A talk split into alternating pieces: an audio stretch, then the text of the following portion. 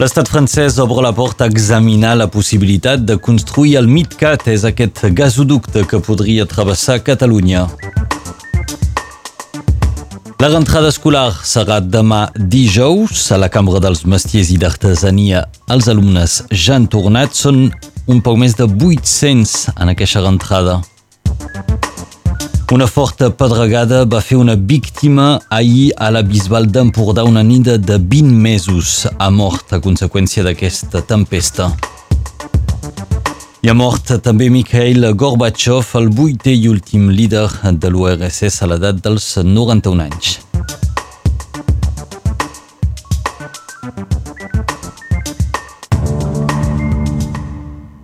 L'aigua podria ser tèrbol avui a les aixetes del centre de Perpinyà i també dels barris de l'estació i del mig i baix Bernet. És culpa d'una canalització que es va trencar ahir i els serveis de Veolia iniciaran avui les obres de reparació. La companyia assegura que aquesta coloració de l'aigua no representa cap risc pel consumidor. L'estat francès ha obert a examinar la possibilitat de la construcció del MidCat, un gasoducte que podria passar per Catalunya Nord, des de l'Empordà cap al Llenguadoc. El ministre francès d'Economia Bruno Le Maire ha dit que una tal proposta feta per dos socis i amics, com són l'estat espanyol i Alemanya, s'ha d'examinar. Fins ara el Ministeri de la Transició Energètica francès havia descartat aquesta possibilitat, seguint la posició presa l'any 2018 per Europa. I amb la crisi de l'energia, aquest gasoducte és considerat com una solució a llarg termini a la problemàtica del subministrament del gas a Europa Central. Justament el proveïdor de gas rus Gazprom suspendrà completament el subministrament de gas a partir de demà. La companyia russa avisa que el lliurament podria reprendre quan s'hagin pagat els deutes pel gas distribuït fins ara la companyia de gas francès Engie assegura que s'han posat en plaça mesures per poder lliurar gas a tots els seus clients. En canvi, per l'electricitat, la primera ministra Elisabeth Borne no descarta que es puguin aplicar talls itinerants durant l'hivern. Aquesta eventualitat només s'aplicaria si les pitjors hipòtesis s'acabessin confirmant. Això ho va assegurar ahir la primera ministra francesa. Demà serà dia de rentrada per la gran majoria d'alumnes nord-catalans. Alguns, però, ja han tornat a classe, són els alumnes de la Cambra dels Mestiers i de l'Artesania. De fet, l'any passat el centre de formació va acollir uns 800 aprenents, una xifra en constant augment. Aquest any ofereixen formacions per uns 23 oficis en sectors com l'alimentació, l'automòbil, la indústria o la gestió. Cada any un 87,3% dels que han obtingut un diploma professional troben un lloc de treball en menys de 6 mesos. A Perpinyà, després de l'incendi que va cremar el restaurant Mes, les autoritats encara no descarten una possible destrucció de l'edifici. Ahir van començar unes obres d'urgència per evitar que la construcció s'acabi esvoldregant. Després d'aquests treballs, els investigadors podran començar a establir les causes de l'incendi. Forta pedregada i a la tarda al nord-est del Principat de Catalunya. La tempesta ha afectat les comarques del Baix i l'Alt Empordà, del Pla de l'Estany i també del Gironès. Només va durar 10 minuts, però va portar pedres de fins a 11 centímetres de diàmetre. Les destrosses són importants i s'han comptabilitzat fins a una trentena de persones ferides. A la Bisbal d'Empordà, una nina de 20 mesos ha mort a conseqüència de les ferides causades per l'impacte de la pedregada. La Brem és una feina difícil i sembla que ho serà cada cop més per la calor. A l'hotel restaurant, a la, a l'hotel restaurant Cala Jean Culs de Roses s'han decidit collir de nit per evitar la canícula. És el primer cop, és la primera brema nocturna que se fa a l'Alt Empordà.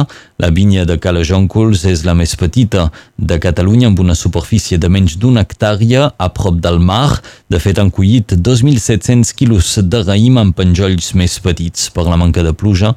A Calajonculs cullen la varietat del lledoner roig, una varietat autòctona que han recuperat. I la Guàrdia Civil ha arrestat el conductor d'un camió que transportava 70 quilos de marihuana a l'àrea de servei de la Junquera.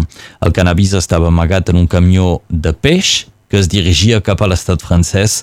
Els agents van detenir el conductor i van comissar la droga. Ha mort Mikhail Gorbachev, el vuitè i últim líder de l'URSS a l'edat de 91 anys. Gorbachev va impulsar les reformes que van conduir al final de la Guerra Freda, però també a la dissolució de l'estat soviètic. La seva obertura al món i el desgel amb Occident el van portar a rebre el Premi Nobel de la Pau. Això va ser l'any 1990. Acabem a l'estat espanyol on el Consell de Ministres ha aprovat una nova llei de l'avortament. El text preveu que una menor pugui interrompre un embaràs a partir dels 16 anys sense el permís dels seus pares. Una altra novetat és que la pastilla de l'endemà passarà a ser gratuïta i totes les pastilles anticonceptives tornaran a ser cobertes per la Seguretat Social, a més, els productes de salut menstrual seran distribuïts gratuïtament en diferents centres. En relació amb la salut menstrual, cal destacar que a l'estat espanyol les dones podran demanar una baixa específica en cas de patir regles doloroses i incapacitants.